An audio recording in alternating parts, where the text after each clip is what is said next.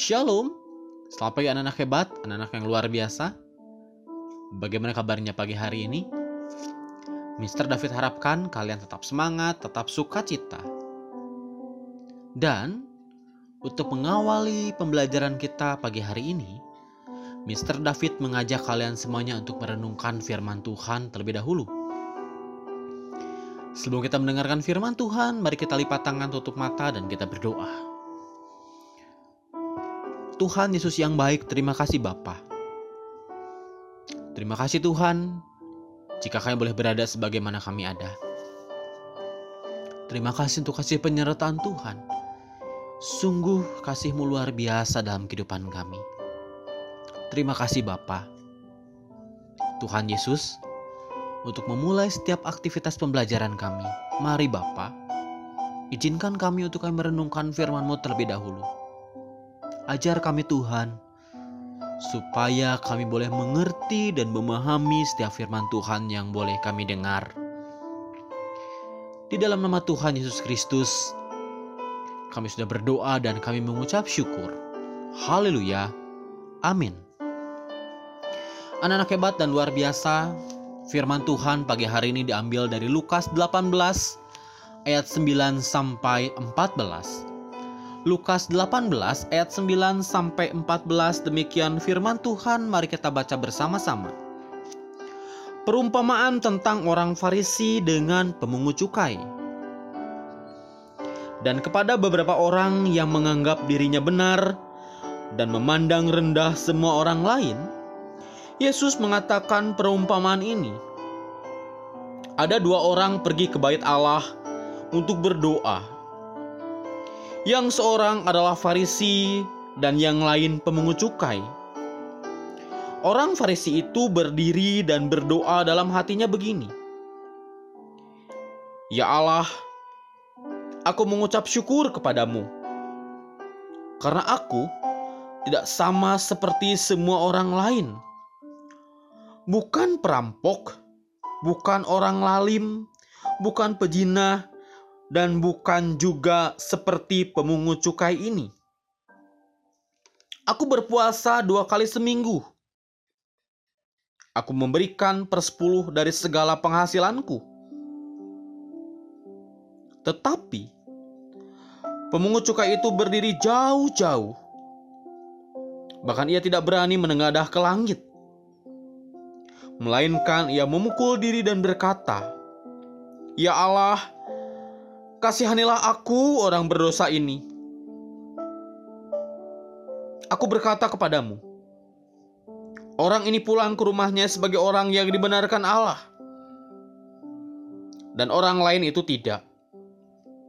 Sebab, barang siapa meninggikan diri, ia akan direndahkan. Dan barang siapa merendahkan diri, ia akan ditinggikan. Demikian firman Tuhan. Anak-anak hebat dan luar biasa, tema firman Tuhan kita pagi hari ini adalah jangan sombong. Dari awal pembacaan ini, kita sudah dapat melihat bahwa perumpamaan ini dimaksudkan untuk menegur orang-orang yang sombong dan memandang rendah kepada orang lain. Perumpamaan ini dimulai dengan cerita tentang orang Farisi dan pemungut cukai yang sama-sama pergi ke bait Allah untuk berdoa. Bait Allah bagi orang Yahudi adalah alat perantara dalam penyembahan. Orang Farisi dalam cerita Alkitab sering ditegur oleh Tuhan Yesus karena mereka adalah orang-orang yang angkuh.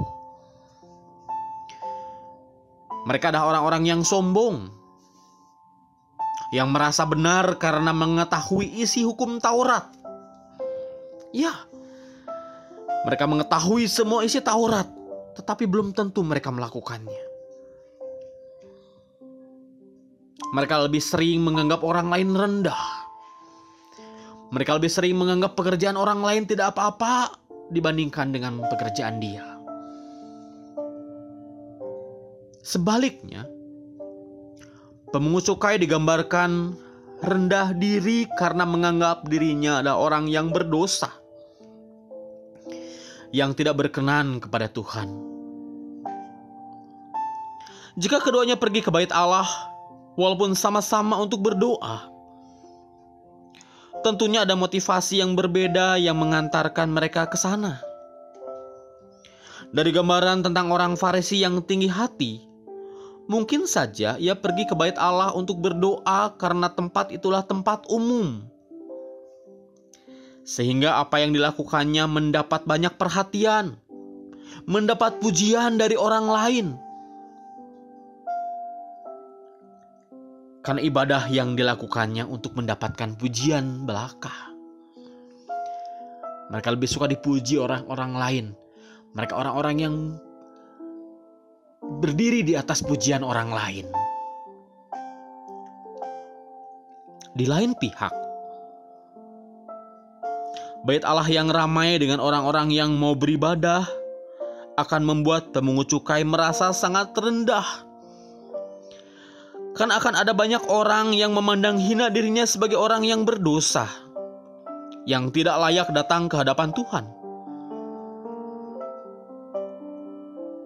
Namun, ia menguatkan hatinya untuk pergi ke bait Allah karena baginya tempat tersebut ditetapkan sebagai rumah doa bagi segala bangsa. Orang Farisi pergi ke bait Allah untuk mencari pujian, sedangkan pemungut cukai pergi karena ia memiliki urusan tertentu. Orang Farisi pergi untuk pamer, sedangkan pemungut cukai pergi untuk menaikkan permohonannya pertobatannya, pengampunan dosanya kepada Tuhan.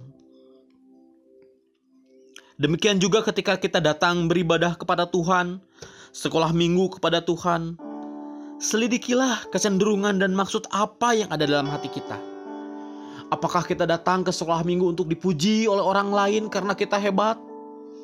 Apakah orang ketika kita datang sekolah minggu ingin dipuji kan orang lain karena kita datang menggunakan mobil yang mewah, baju yang mewah, jam yang branded, ketika kita memberikan persembahan yang banyak, yang besar, apakah itu yang kita harapkan? Apakah itu yang kita cari pujian dari orang lain?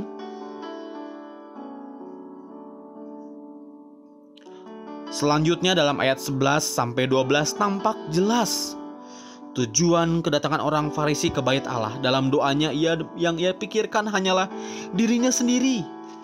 Ia tidak peduli akan hal lain kecuali dirinya sendiri, puji-pujiannya sendiri, bukan kemuliaan Tuhan. Ia juga memandang rendah orang lain. Secara khusus ia menganggap rendah si pemungut. Sebaliknya, dalam ayat 13 diceritakan doa pemungut cukai kepada Allah yang penuh dengan kerendahan hati yang sangat merendahkan diri. Doanya dipenuhi dengan permohonan untuk pertobatan atas dosa dan kerinduannya kepada Allah.